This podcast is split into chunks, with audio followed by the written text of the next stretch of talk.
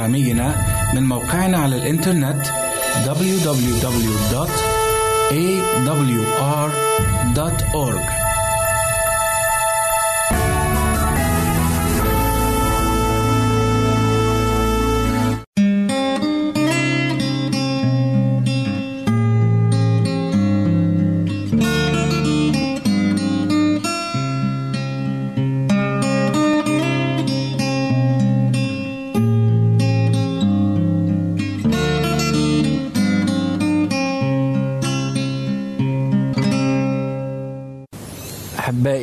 بكم مرة أخرى في لقاء جديد وحلقة جديدة من برنامج الكتاب يتكلم. في هذا اللقاء سيدور موضوعنا ونقاشنا حول آه، موضوع القصد من النبوة. لماذا جاءت النبوة ولماذا أنزلت الكتب المقدسة؟ هذا ما سنعرفه في هذا اللقاء مع جناب الأسيس سامح. أهلا بحضرتك. أهلا بيك يا ومع. جناب الأسيس توفيق. أهلا بيك. أسيس سامح لماذا أنزلت الكتب المقدسة. ما الهدف منها؟ الكتب المقدسة زي ما قلنا هي آه، أعطيت كتبت من خلال الأنبياء للبشر جميعا. نعم. وأعطيت لتبين وتعرفنا قصد الله وإرادته للبشر. مم. ونقرأ الآية واضحة في سفر روميا أصحاح 15 وعدد أربعة يقول لأن كل ما سبق فكتب كتب لأجل تعليمنا.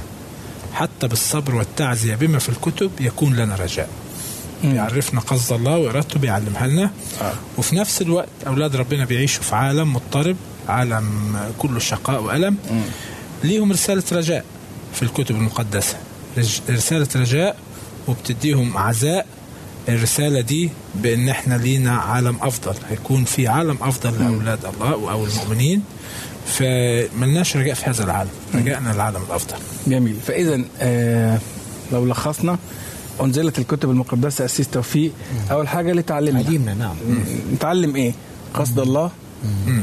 نتعلم إرادة الله في حياتنا. مظبوط. إزاي نمشي حسب مشيئة الله. تمام. كل ده تعليم. لكن أيضا للصبر والتعزية. الصبر والتعزية في في عالم يمكن مليان بالمشقات والصعاب والخطية. والتجارب. فدي كمان مهمة جدا. وبعدين أيضا لكي يكون لنا إيه؟ رجاء. رجاء. إن مش العالم ده مش هو النهاية. العالم ده مش مش مش نهاية المطاف أو نهاية الطريق. ولكن الله وعد بعالم أفضل. وبحياة أفضل آه، بعد هذا العالم. أسيس توفيق كيف أنزلت؟ إحنا اتكلمنا قلنا لماذا أنزلت الكتب المقدسة نعم. بس كيف أنزلت؟ بأية واسطة أنزلت آه، الكتب المقدسة؟ إحنا نؤمن زي ما بيعلم الكتاب المقدس إنه الكتب كلها انزلت عن بإيحاء من الروح القدس نعم بالوحي بيقول في آه وده اللي بيعلمه بولس الرسول لتلميذه ت- تيموثاوس ال- الاصحاح 3 وعدد 16 نعم. فبيقول كل كل كتب هو أو كل الكتاب هو موحى به من الله. فكل الكتب موحى بها من الله. وكمان بيدينا السبب. نعم. يعني بيقول لنا إنه هذه الكتب موحى بها من الله ونافعة للتعليم والتوبيخ للتقويم للتأديب. الذي في البر. ودي هنرجع لها مرة تانية بس لكن إذا كان كل الكتاب هو موحى به من الله أسيس سامح. يعني ال- الكتاب المقدس هو مجموعة أو مؤلف من عدة أسفار وعدة كتب وأناجيل وعلى مر آه، مئات بل آلاف السنين كتب. أي والكتاب اللي كتبوه من خلفيات مختلفة وبلغات مختلفة ومن آه، طبقات اجتماعية مختلفة. فكيف يعني آه، استطاع الله أن يعني يجمع بين كل هؤلاء؟ آه آه. يعني هو لو نتكلم عن مصدر نبوات هنقول عن مصدر النبوات يعني آه واضحة وقلناها الآيات دي قبل كده وهنعيدها في بطرس الثانية واحد. عدد 21 بيقول لم تأتي نبوءة قط بمشيئة إنسان بل تكلم. أناس الله القديسون مسوقين من الروح القدس. طبعا هم فعلا مختلفين في حضاراتهم مختلفين في ثقافتهم لكن المؤلف أو الكاتب هو واحد. نعم. هم كتبوا بواسطة روح الله القدوس. فاذا بغض النظر عن زي ما قلنا الحضارات أو اللغات أو الثقافات أو الخلفيات مم. أو البيئة اللي نشأوا فيها هؤلاء الكتاب اللي هم وفي أكتر من 66 يعني ح- 66 آه، صفر. صفر في الكتاب المقدس آه، بغض النظر عن ده كله فده يعني مش هو دي المسألة المسألة إنه الروح القدس هو الذي ألف أو هو الذي كتب مظبوط أو أوحى بالرسالة مم. لهؤلاء الكتاب فاذا. الكاتب مجرد آه، أداة. كان أداة طبعا يستلم الوحي يمكن آه، في يكون اختلاف بسيط في أسلوبه الأسلوب اللي بيتكلم بيه شيء يختلف من شخص لآخر ولكن الفكرة والرسالة هي من الله روح الله ما بي يعني ما بيتحكمش في الموهبة الطبيعية في الإنسان. مم. هو كل واحد بيكتب بموهبته بثقافته. بالظبط. لكن في نفس الوقت آه، فحوى الرسالة هي اللي بتوصلنا من خلال روح الله القدس. بيدي الفكرة والكاتب بيكتبها بأسلوبه. ف... وطبعا بيضمن هذا هو ضمان إن ما يحصلش أي نوع من ال- ال- الخطأ أو الغلط أو أو شيء غير دقيق لأن الله هو الذي يضمن آه، فحوى الرسالة. تمام. وعشان كده بنقول الكتاب المقدس يعني دلوقتي الكتاب المقدس كتب في 1500 سنة 40 كاتب لكن شمولية الكتاب المقدس من سفر التكوين لسفر الرؤيا كله بيتج... متجانس مع بعضه ما فيش تعارض ما فيش تناقض ما فيش يعني كل ال... ال... الكتاب موحى به من الله. فهنا الروح القدس آه، بي... بيرشد أو بي... آه، بإيحاء منه لكن الأيدي بشرية اللي كتبت الكتاب المقدس. تمام. فالمواهب هنا اللي استخدمها الروح القدس عن طريق كتابة الكتاب المقدس هي بايحاء كل الكتاب موحى به من من الله الله طيب اتكلمنا عن مصدر النبوات وإزاي أنزلت نعم. وبأي واسطة أنزلت. آه نتكلم عن آه المستقبل. إزاي مين من له أن آه يعرف المستقبل؟ أو لا أحد يعلم المستقبل إلا الله. نعم. ولا أحد يعلم آه، ماذا سيحدث غدا. أو بعد ساعة أو بعد دقيقة إلا الله. نعم. لكن الكتاب المقدس بيعلف بيعرفنا إنه الله بيخبر وبيعرف الأنبياء وبي بي وفي نبوات في الكتاب المقدس تمت آه يعني آه تنبؤ عنها. تنبؤ عنها. مم. وفي كمان نبوات لم تتم بعد. مم. فهنا بيقول الكتاب المقدس في سفر اشعيا النبي آه، الإصحاح 42 وعدد 9 آه، هو ده الأولويات قد أتت والحديثات أنا مخبر بها آه من الأول والحديث واللي سيأتي مم. الله بيخبر بها قبل أن تنبت تنبت مم. يعني قبل ما قبل ما تحدث. آه، يعني تخيل أنت بتحط آه، بذرة. بذرة في الأرض آه. وبتعرف هتطلع إيه هتطلع شجرة إيه والثمرة هتطلع إزاي والحاجات دي كلها فمن يعلم إلا الله اللي بي يوضح. قبل أن تنبت أعلمكم بها فهو آه. المصدر ال- ال- التنبؤ عن المستقبل. هو الله وليس النبي. هو وحي من الله للنبي أو الرسول والنبي بدوره بيقول للناس عن آه، قصد الله أو الرسالة اللي وصلت تمام.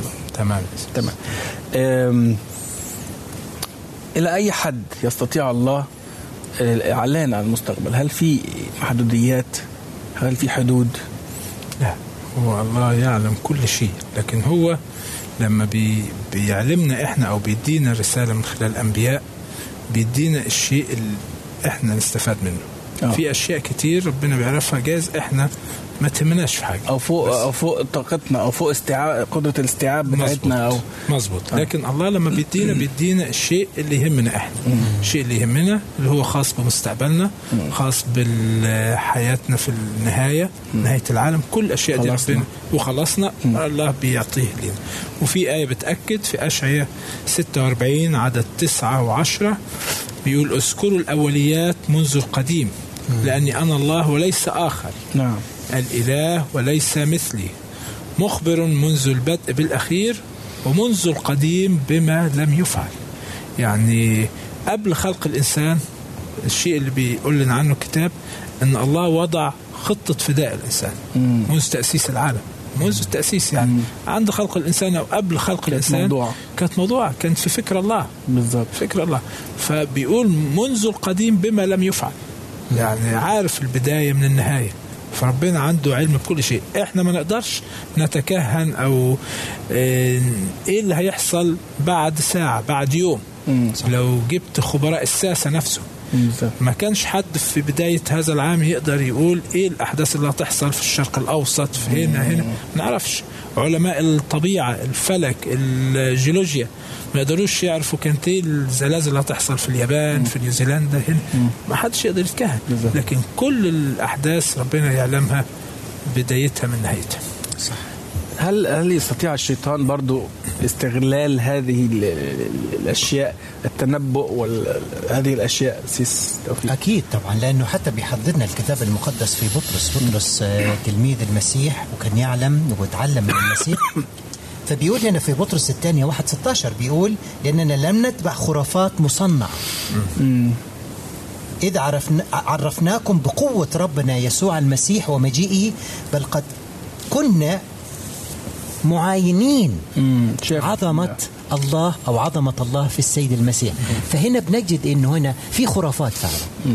وفي آه، ناس كتيرة بتتبع عرافين. ودجالين وفي بيتنبأوا. منجمين. وتعالى أوريك المستقبل وتعالى أعرفك إيه اللي هيحصل لك الكف ويقروا الفنجان ويقروا أيوة. مظبوط. أيوة. وفينا يقول لك دول مكشوف وش- عنهم وشهم مش عارف إيه وكذا.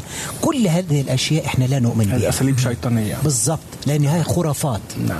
بيقول عليها الكتاب خرافات لكن القوة المعطاه من عن طريق الرب يسوع هو القادر أن يكشف لنا ويعلمنا عن طريق الروح القدس. عشان كده إحنا بنتكلم كل هذه الحلقات عن عمل الروح القدس. من أول حلقة بتكلم عن عمل الروح القدس فينا. هو اللي بيعرفنا هو اللي بيخبرنا وهو اللي بيرشدنا وهو اللي بيقودنا في الطريق الصح. وهنا برضو الرسول بطرس الآية اللي قريتها أسيس نعم. واضحة فيها نقطة إن هو ربنا عارف إن في تشكيك في الأيام الأخيرة هيجي بالنسبة للمسيح نفسه صح. السيد المسيح. في ناس هتشكك فيه هتشكك في الأحداث اللي حدثت أثناء حياته على الأرض. فهنا بيأكد الرسول بطرس وبيقول إن إحنا كنا معاينين. يعني الأشياء اللي بعيننا. بنكتبها حاجات مش سمعناهاش. حضرناها ما وشفناها. قالوا لهاش جدودنا ولا جدود جدودنا. ده إحنا عشناها وشفناها وبنكتبها لكم. صح. خلينا نكمل كلامنا. الحديث شيق وممتع ومفيد. بعد الفاصل.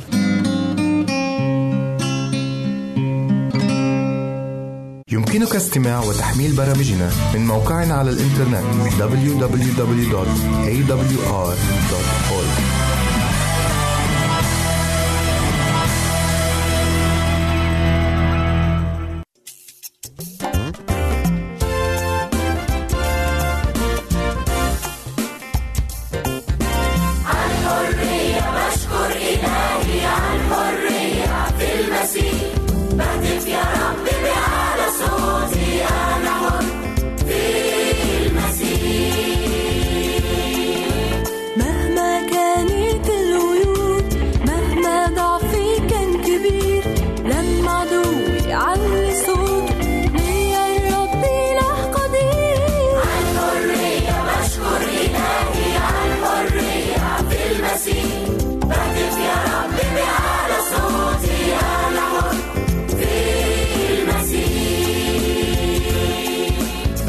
وسط الضلمة جاني بنوره مد ايده وخرجني الله ما عمل معايا بقوة برا الأسر طلعني الحرية مشكور إلهي عالحرية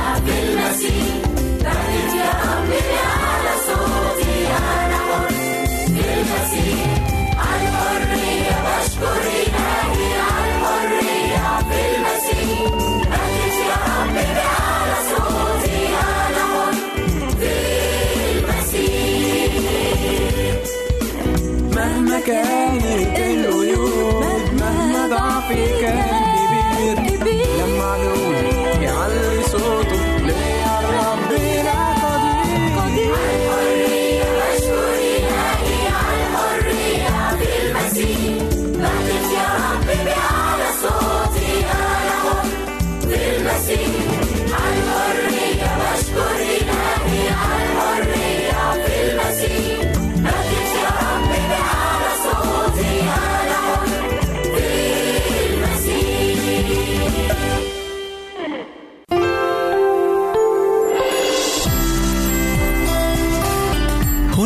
صوت الوعد. لكي يكون الوعد من نصيبك.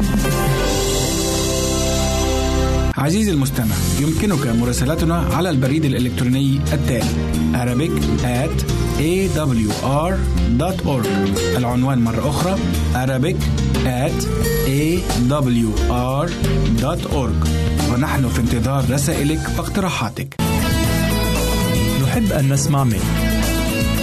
راسلنا على البريد الإلكتروني Arabic at awr.org. نحن ننتظر رسائلكم واستفساراتكم.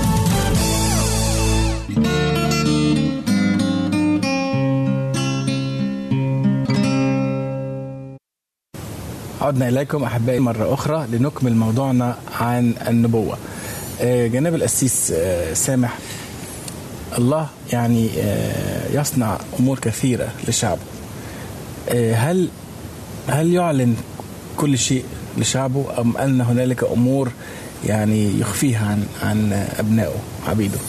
آه هو في أشياء ربنا بيعلنها بس من خلال الأنبياء. يعني هو بيدي الإعلانات عن طريق الأنبياء.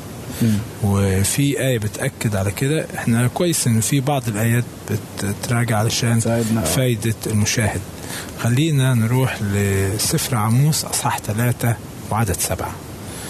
تقول إن السيد الرب لا يصنع أمرا إلا وهو يعلن سره لعبيده الأنبياء. طبعا هنا الأمور اللي هي مختصة بالبشر. يعني هي الأمور لأن الكتب المقدسة دي كتبت لأجل البشر. فأيضا الأمور المختصة بالبشر. نعم. ما أقدرش أنا أحيط كل ما يدور عن طبيعة الله وعن أمور الله وأقول هي خاصة بي أنا.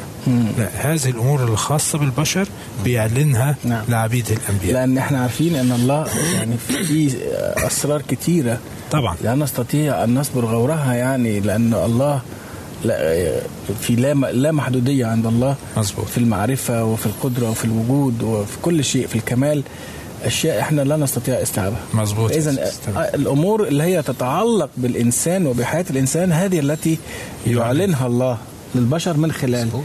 الأنبياء وليس الآخر طيب آه الأمور المعلنة دي آه لمين بالظبط أسيس توفيق يعني الكتاب المقدس بيعلمنا انه إنه إذا السيد الرب بيعلن سره لعبيده الأنبياء السرائر للرب إله والمعلنات لنا ولبنينا إلى الأبد. فهي معلنة لنا.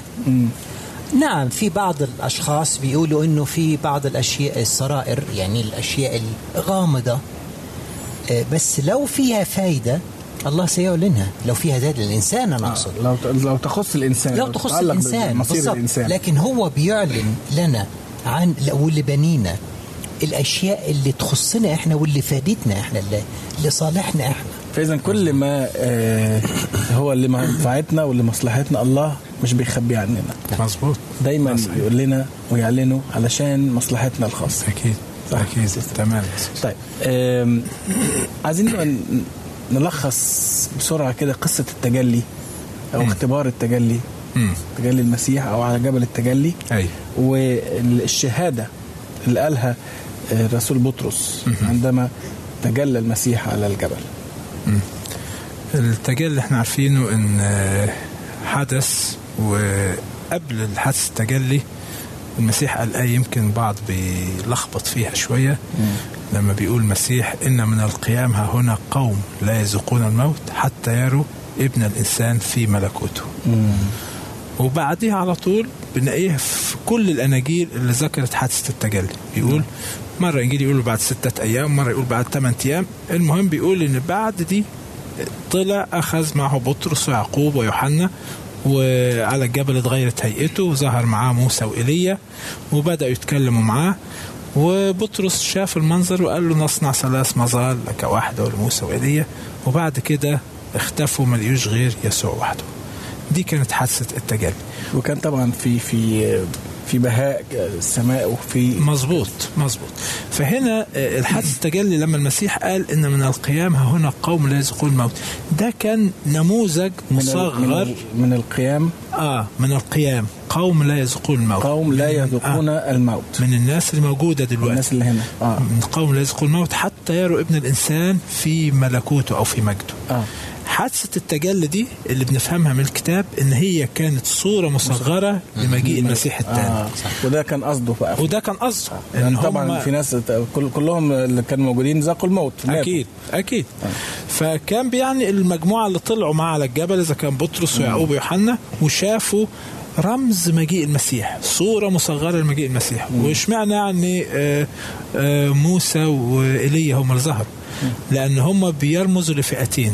فئتين من أولاد ربنا المؤمنين اللي هيكونوا مستعدين للمجيء الثاني لما هيجي المسيح مرة تاني هيكون في فئة أموات أبرار هيقوموا وفي فئة أبرار أحياء.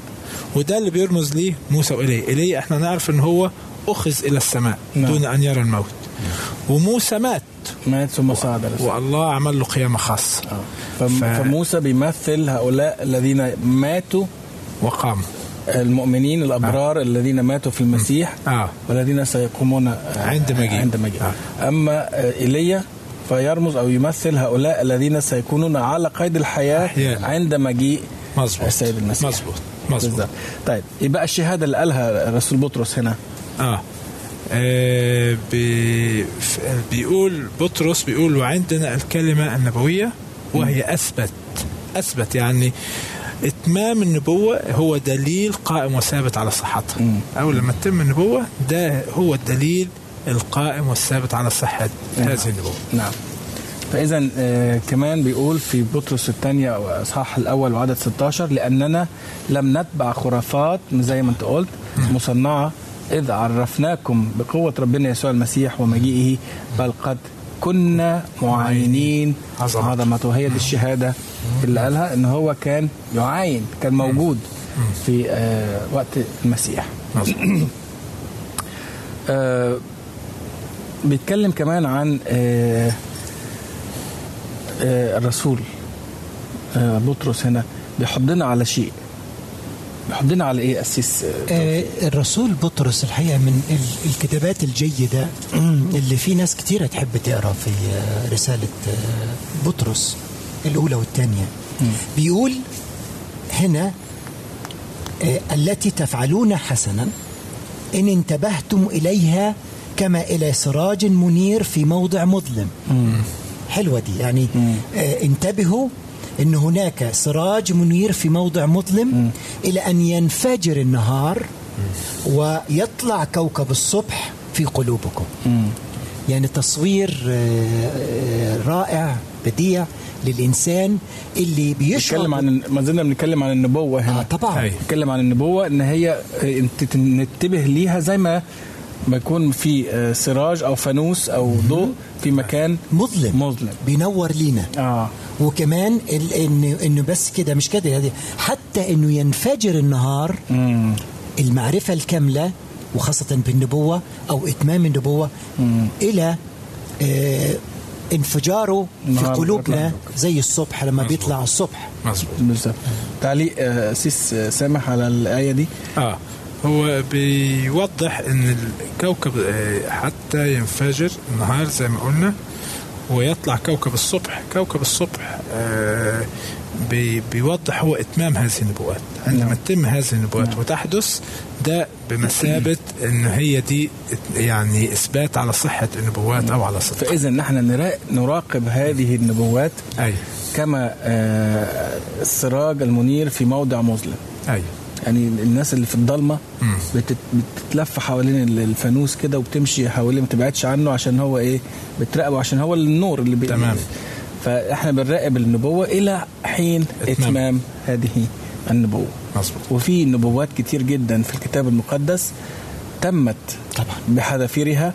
وهذا ما يعني آه، يعطينا ال- اليقين إن كلمة الله هي زي ما قلنا حية حية فعالة وفعالة. بالظبط نعم. وهي سراج لرجلي كلامك ونور لسبيلي بالظبط. في مزمور. كلام جميل. أو سفر المزامير. نعم. ما هو موضوع رسالة الأنبياء آه، السي سامح؟ آه، في بطرس الأولى واحد عدد تسعة وعشرة بتقول آه، كلمة الرب نائلين غاية إيمانكم خلاص النفوس. الخلاص الذي فتش وبحث عنه أنبياء. الذين تنبؤوا عن النعمة التي لأجلكم. يبقى نعم. إذا غاية النبوة وغاية كل ما يعطيها الله الأنبياء هو خلاص النفوس الخلاص. آه. في نفوس هتهلك في نفوس هتضيع لكن غرض هذه النبوات هو ربح هذه النفوس وخلاص. طيب إيه، النعمة. ما هي النعمة؟ يقول الذين تنبأوا عن النعمة التي لأجلكم. النعمة كلمة نعمة يعني آه، شيء مقدم أنا ما دفعتش ثمنه. آه لا أستحقه. ولا أستحقه. ما أقدرش أستحقه. وأنا ما دفعتش فيه شيء فالنعمة دي هي عطية المسيح. التقدم اللي قدمها المسيح على عود الصليب من اجلي كبديل عني. أنا اللي كان لازم أموت. أنا بخطيتي اللي لازم كان أموت الموت الأبدي. والمسيح جه مات عني هذا الموت. دي نعمة. دي نعمة. أنا ما استحقهاش. جميل. فإذا هنا هنا في ال- الأنبياء فتشوا بحثوا تنبأوا ولم يروا. لكن النعمة المعطاة لنا إن إحنا رأينا شاهدنا آه، قرينا كل هذه الأشياء. عشان كده ال- الأنبياء يعني هنا الرسل لما بيتكلموا بيقول مثلا يوحنا بيقول شاهدت لمست تكلمت. أيوة. فدي بتبين قد إيه إن إحنا فعلا آه، النبوة اللي كانت عن السيد المسيح تمت وهي أثبت تمام. من أي كلام آخر. آه، في النبي دانيال في العهد القديم تنبأ آه، النبوة عن تاريخ العالم أيوة. من البداية للنهاية. وكانت واضحة جدا التمثال الذي رآه الملك آه. والممالك اللي كانت تتبع واحدة تلو الأخرى إلى أن جاءت المملكة التي يعني آه، نسفت جميع الممالك اللي قبلها وأصبحت مملكة أبدية. آه عايزين في كلمة أخيرة أسيس آه المسيح ذكر الآية دي آه. أو ذكر النبوة دي آه. في, في, في عشر ثواني من فضلك كيف بين السيد المسيح ثقته بنبوة دانيال آه، قالها المسيح بيقول في متى 24 15 فمتى نظرتم رجسة الخراب التي قال عنها دانيال النبي قائمة في المكان المقدس ليفهم القارئ إذن هو أكد على نبوة, نبوة دانيال هي وصدقها. صدقها. آه، آه. بيأكد عليها. مظبوط. طيب. كلمة أخيرة أسيس توفيق أنا عايز- للمشاهدين عشان أنا عايز أقول إنه إذا كنا بنفتش عن النبوة أو بنفتش عن آه، عمل الروح القدس فينا يجب أن إنه نستعد لانسكاب الروح فينا وفي حياتنا.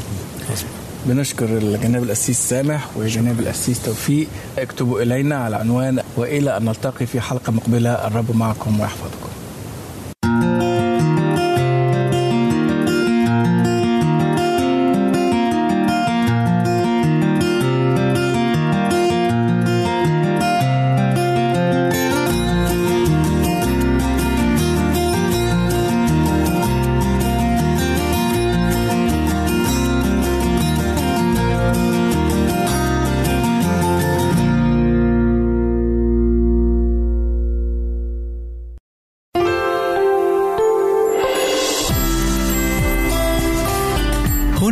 صوت الوعد.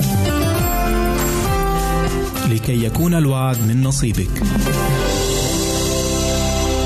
عزيزي المستمع يمكنك مراسلتنا على البريد الإلكتروني التالي Arabic at awr.org العنوان مرة أخرى Arabic at awr.org ونحن في انتظار رسائلك واقتراحاتك نحب أن نسمع منك. راسلنا على البريد الإلكتروني Arabic at awr.org نحن ننتظر رسائلكم واستفساراتكم.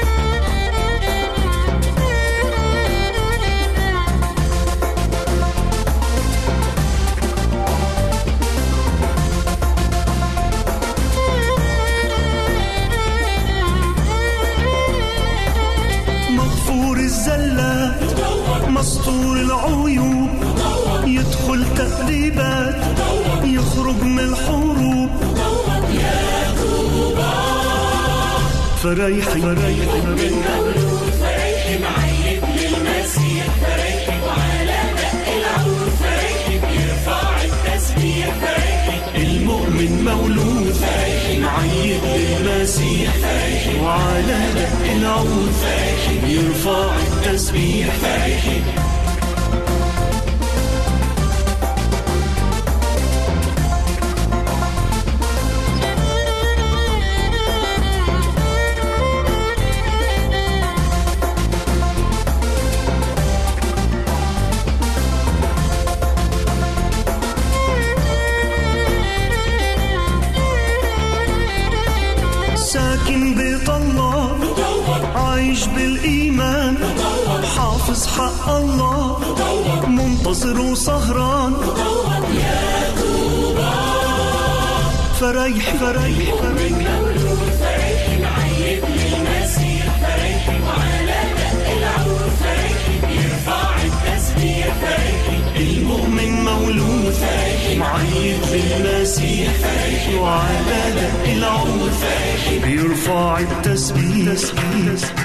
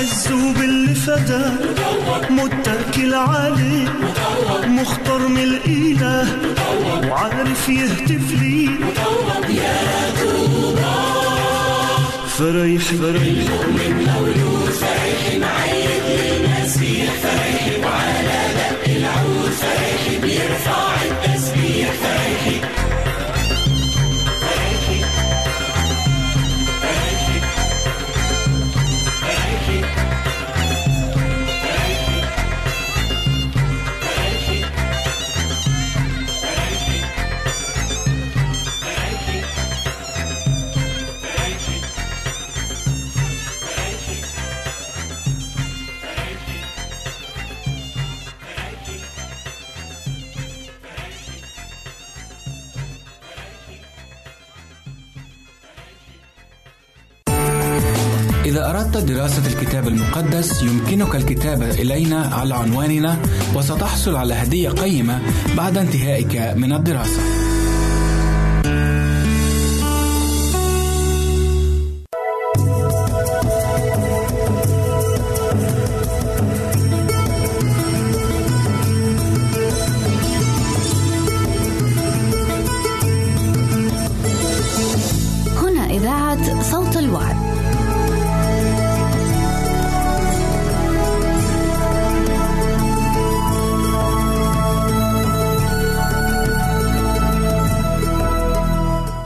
أيها المستمعون الكرام مرحبا بكم في حلقة جديدة من برنامجكم الشيق هل تعلم؟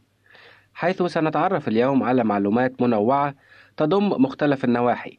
أرجو لكم مع هذه الحلقة أوقاتا مفيدة وممتعة.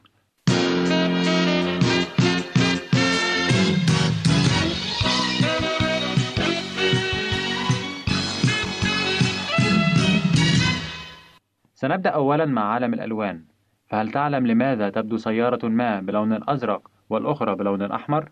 أعزائي إن نور الشمس الأبيض يحتوي الألوان كلها الأزرق والأصفر والأحمر والسيارة تبدو لنا حمراء لأن دهان جسمها يمتص ألوان ضوء الشمس كلها باستثناء اللون الأحمر الذي يرفضه ويرده وهكذا فإن اللون ليس من محتويات الشيء المنظور ولا من مشتملات لباسه بل إنه موجود في نور الشمس ونور الشمس ليس إلا اجتماع الألوان كلها فعندما ننظر إلى شيء ما يبدو لنا ملونا لأنه في الواقع يعكس قسما من النور الذي يتلقاه بعد أن يمتص القسم الباقي. وفي المسرح إذا سلط نور أزرق على شيئين وأحدهما أزرق والثاني أحمر فالشيء الأحمر وحده يبقى مرئيا أما الشيء الأزرق اللون فيمتص النور الأزرق كله. هذه الظاهرة الضوئية تسمح بتحقيق ألعاب غريبة مدهشة. أما الآن فتعالوا معي أصدقائي لنتعرف عما تعنيه بعض الألوان ولنبدأ بالأحمر. اللون الأحمر قيمة رمزية شائعة. فالشارة الحمراء تعني الوقوف والخطر وتفرض التزام جانب الحيطة والحذر من قبل الذين يجدون أنفسهم أمام ضوء أحمر أو أعلام حمراء أو حواجز حمراء. ذلك أن الشارة الحمراء علامة تشير إلى وجوب الوقوف الفوري التام وهي تحمي خط السكك الحديدية.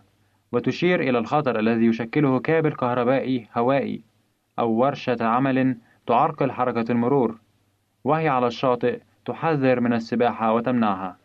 يرمز اللون الأحمر كذلك إلى الدم ولذا كثر اعتماده في أعلام عدد كبير من الدول وهو يرمز إلى النار فلذا طليت سيارات الإطفاء باللون الأحمر وما مصدر الطاقة الحرارية الجوفية إلا نار جوف الأرض.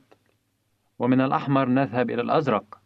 الأزرق هو لون المجالات الفسيحة الرحبة. لون السماء والبحار إنه رمز الماء الذي يؤمن الحياة للنبات والحيوان والإنسان. الأزرق هو كذلك لون تاريخي.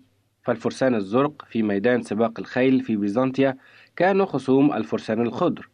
وذوو الملابس الزرقاء هم الثوار الذين كانوا يحاربون الملكيين البيض.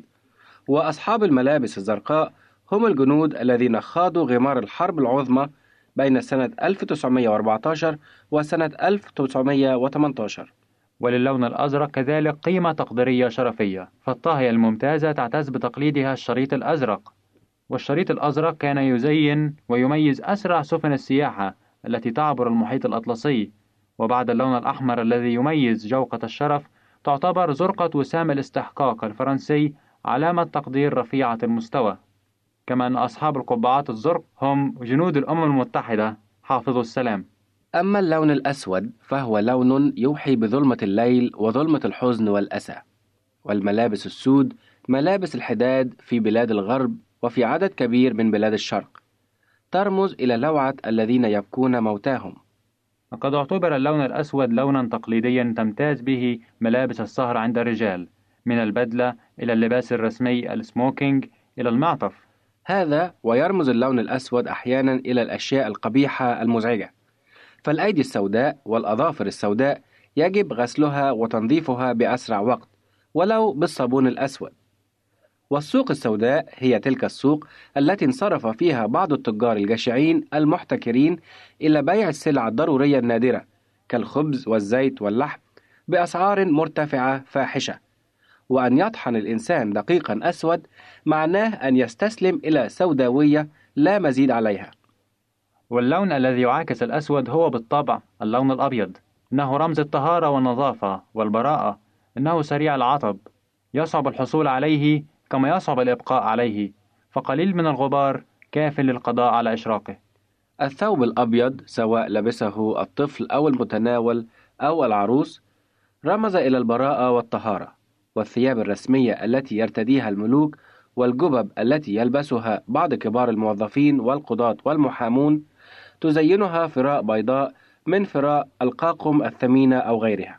تشير كلمة أبيض إلى فراغ في جملة وإلى صمت في برنامج إذاعي.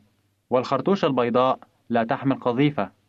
أما أسبوع البياض في المحلات الكبرى فيعلن عن قيام سوق خاصة لبيع البياضات من كل نوع من الشراشف إلى المناشف إلى المناديل إلى الملابس الداخلية.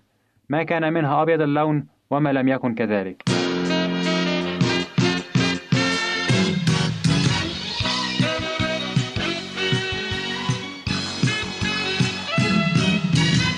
الخلية الكهربائية الضوئية. إنه جهاز صغير لا يولد التيار الكهربائي إلا متى وقع عليه نور وهو يستعمل لصنع العين الكهربائية أو لإعادة توليد الصوت في الأفلام السينمائية. الخلايا الكهربائية الضوئية تحول الطاقة الضوئية إلى طاقة كهربائية وهي على نوعين. الأول يشبه مصباحا كهربائيا صغيرا. إذا دخله نور خارجي أحدث فيه اختلالا كهربائيا موازيا لقوة ذاك النور. والثاني يستعمل خاصية جسم يعرف بالسيلينيوم. يمتاز بأنه ينقل الكهرباء في النور بأحسن مما ينقله في الظلمة. أما التيار الذي تولده الخلية الكهربائية الضوئية فيستطيع أن يحرك مفتاحا كهربائيا وبالتالي يستطيع أن يحرك أي جهاز إلكتروميكانيكي متصل بذاك المفتاح. تكلمنا عن هذه الخلية الكهربائية والعين السحرية ولكن هناك عين أخرى لا تقف عند حدود معينة أو أمكنة معينة كما أنها تعمل في الليل كما في النهار ولن تتوقف يوما عن عملها وتراقب كل شيء. هل تعلمون ما هي؟ إنها عين الله.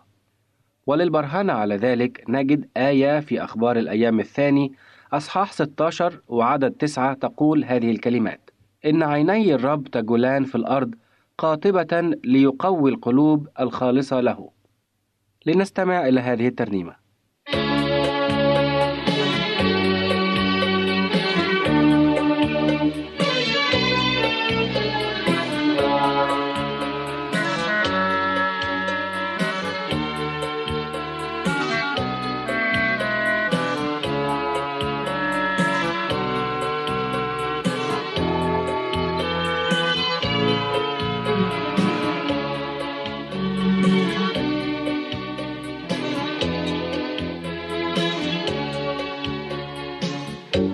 موعدي ليك في الأخطار عيني عليك في الليل وفي النهار عيني عليك موعدي ليك في الأخطار عيني عليك في الليل وفي النهار عيني عليك حتى في عمق البحار عيني عليك مواعيدي ليك في الأخطار في الليل وفي النهار.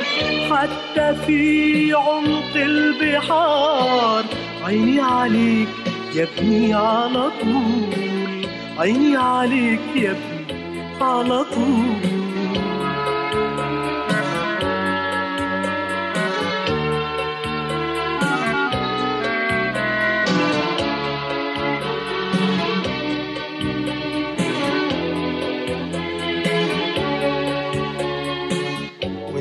بعيد وانت قريب عيني عليك في الرحلة وانت غريب عيني عليك. وانت بعيد وانت قريب عيني عليك في الرحلة وانت غريب عيني عليك.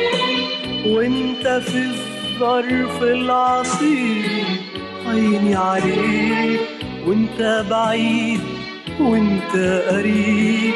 في الرحلة وانت غريب وانت في الظرف العصيب. عيني عليك يا ابني على طول عيني عليك يا ابني على طول.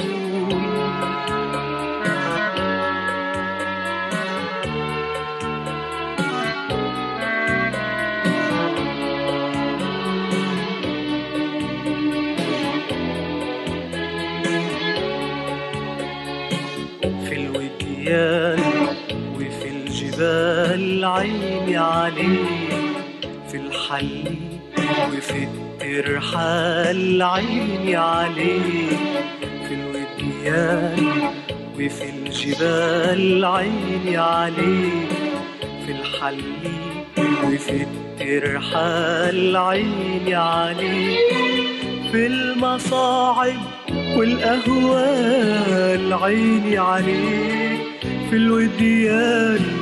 وفي الجبال في الحل وفي الترحال في المصاعب والأهوال. عيني عليك يا ابني على طول عيني عليك يا ابني على طول.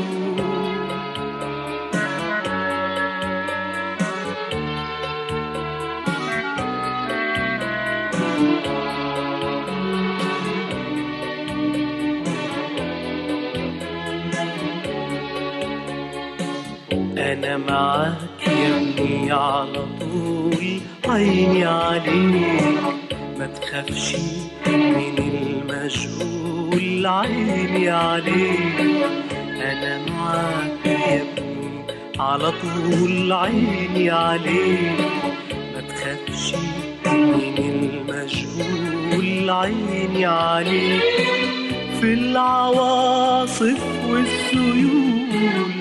عيني عليك أنا معاك يا ابني. على طول ما تخافش من المجهول في العواصف والسيول.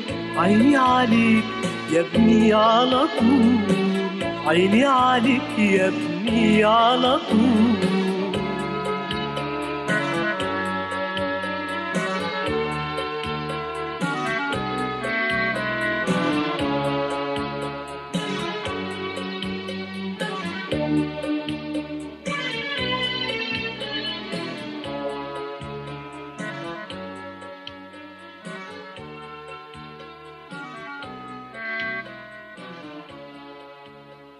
أعزائي عندما نسمع كلمة زلاجة فأول ما يتبادر إلى ذهننا هو الثلوج والشتاء. ولكن ماذا عن زلاجة لا تسير على الثلوج بل على جذوع الأشجار؟ تعالوا معي لنرى ما هي زلاجة الحطاب هذه. يستعمل الحطابون على منحدرات جبال الفوج في فرنسا عربات زلاجة يضعون فيها الجذوع والأغصان المقطوعة ويزلقونها على دروب مصنوعة من جذوع الأشجار المرصوفة بعضها في لصق بعض. تتخذ هذه الزلاجة شكل عربة خفيفة الوزن. يسهل على الحطاب حملها بعد إفراغها. بغية الصعود بها من جديد إلى أعلى الجبل. ومتى بلغ من المنحدر المكان المقصود حط الزلاجة وسندها حتى لا تنزلق. ثم حملها ما وسعها من الخشب المقطوع. ولقد يبلغ وزن الزلاجة المحملة عدة أطنان أحيانا. ومتى تم له ذلك؟ أخذ الحطاب مكانه أمام الزلاجة وأمسك بزنديها ليؤمن توجيهها. أما الزلاجة المحملة فتنحدر مدفوعة بوزنها الذاتي فيما وظيفة الحطاب السائق تقوم بأن يسند ظهره إلى الحمل وأن يتحكم بقوة الانحدار والانزلاق مستعينا بقدميه اللتين تعتمدان جذوع الدرب المرصوفة كدرجات سلم المعروف أنك في مياه البحر تطفو بسهولة أكثر لأن كثافة الماء تساعدك على ذلك ولكن أيهما أسهل؟ السباحة بسرعة في مياه البحر المتوسط أم البحر الميت؟ مع العلم أن مياه البحر الميت عالية الملوحة جدا إن السباحة في مياه البحر المتوسط أسهل لأنها أقل مقاومة لجسم السباح وكذلك فإن السباحة في المياه العذبة أسرع من السباحة في المياه المالحة ومن مياه البحار المالحة إليكم هذا الخبر فهل تعلمون أن المحار يستغرق خمس سنوات لكي يصنع اللؤلؤ في داخل صدفته؟ وهل تعلم أن الدولفين ينام وإحدى عينيه مفتوحة؟ وهل تعلم أن النمر هو حيوان مفترس وقد يقتل ثلاثة أو أربع حيوانات مرة واحدة حتى وإن لم يكن جائعا لحبه لسفك الدماء؟ بعكس الأسد الذي لا يهجم إلا إذا كان جائعا. فهل تعلم أن النمر العجوز أشد خطورة على الإنسان من النمر الشاب؟ وذلك لأنه يستسهل مهاجمة الإنسان على مطاردة الغزلان والحيوانات السريعة والغريب أنه يفضل لحم الإنسان على أي لحوم أخرى بعد أن يتذوقها لأول مرة. وهل تعلم أن الأم تلد من خمسة إلى ستة نمور كل مرة؟ وأن الأم هي التي تدرب الصغار الأقوياء على قنص الفرائس إلا أنها تأكل من صغارها من كان ضعيفا ومريضا. هل تعلم ما هو الشيء الذي فائدته الغذائية تفوق فائدة التفاح؟ فيه عشرون ضعف ما في التفاح من الكالسيوم. فيه ضعف ما في التفاح من الفوسفور. فيه ثلاثة أضعاف ما في التفاح من فيتامين ألف ومن الحديد. يحتوي على الكبريت وفيتامين ج 2 ومواد مدررة للبول وملينة للأعصاب وللدورة الدموية. فيه مادة جلوكونين التي تعادل الأنسولين في حرق السكر من الجسم. هل هو السبانخ أم البصل؟ إنه البصل. البصل الذي يقتل جراثيم الفم والأمعاء ويفيد في حالة تصلب الشرايين وتشمع الكبد ومفيد للجلد والشعر والكلى والمثانة ويصنع منه أدوية لتخفيف آلام البروستات. الكل يعرف أن للبوم عينين كبيرتين وأن أفضل وقت لنشاطه هو الليل وأنه يصطاد فريسته في الظلام. فهل تعلم أن السبب بذلك ليس قوة حاسة البصر وإنما قوة حاسة السمع؟ والسبب هو وجود أذنيه في مقدمة الرأس فيستطيع أن يميز مصدر الصوت بسرعة والصوت الذي يصل إلى أذنيه الأماميتين يمكنه من تحديد مكان فريسته بدقة متناهية. أعزائي إلى هنا تنتهي حلقة اليوم من برنامجكم الشيق هل تعلم؟ أرجو أن تكون المعلومات التي تضمنتها حلقة اليوم جديدة وأن تكون قد أفادتكم كما استفدت منها أنا. حتى اللقاء القادم. هذه أحلى تحية من ماهر رشدي وسامي سعيد وإلى اللقاء. يمكنك استماع وتحميل برامجنا من موقعنا على الإنترنت www.awr.org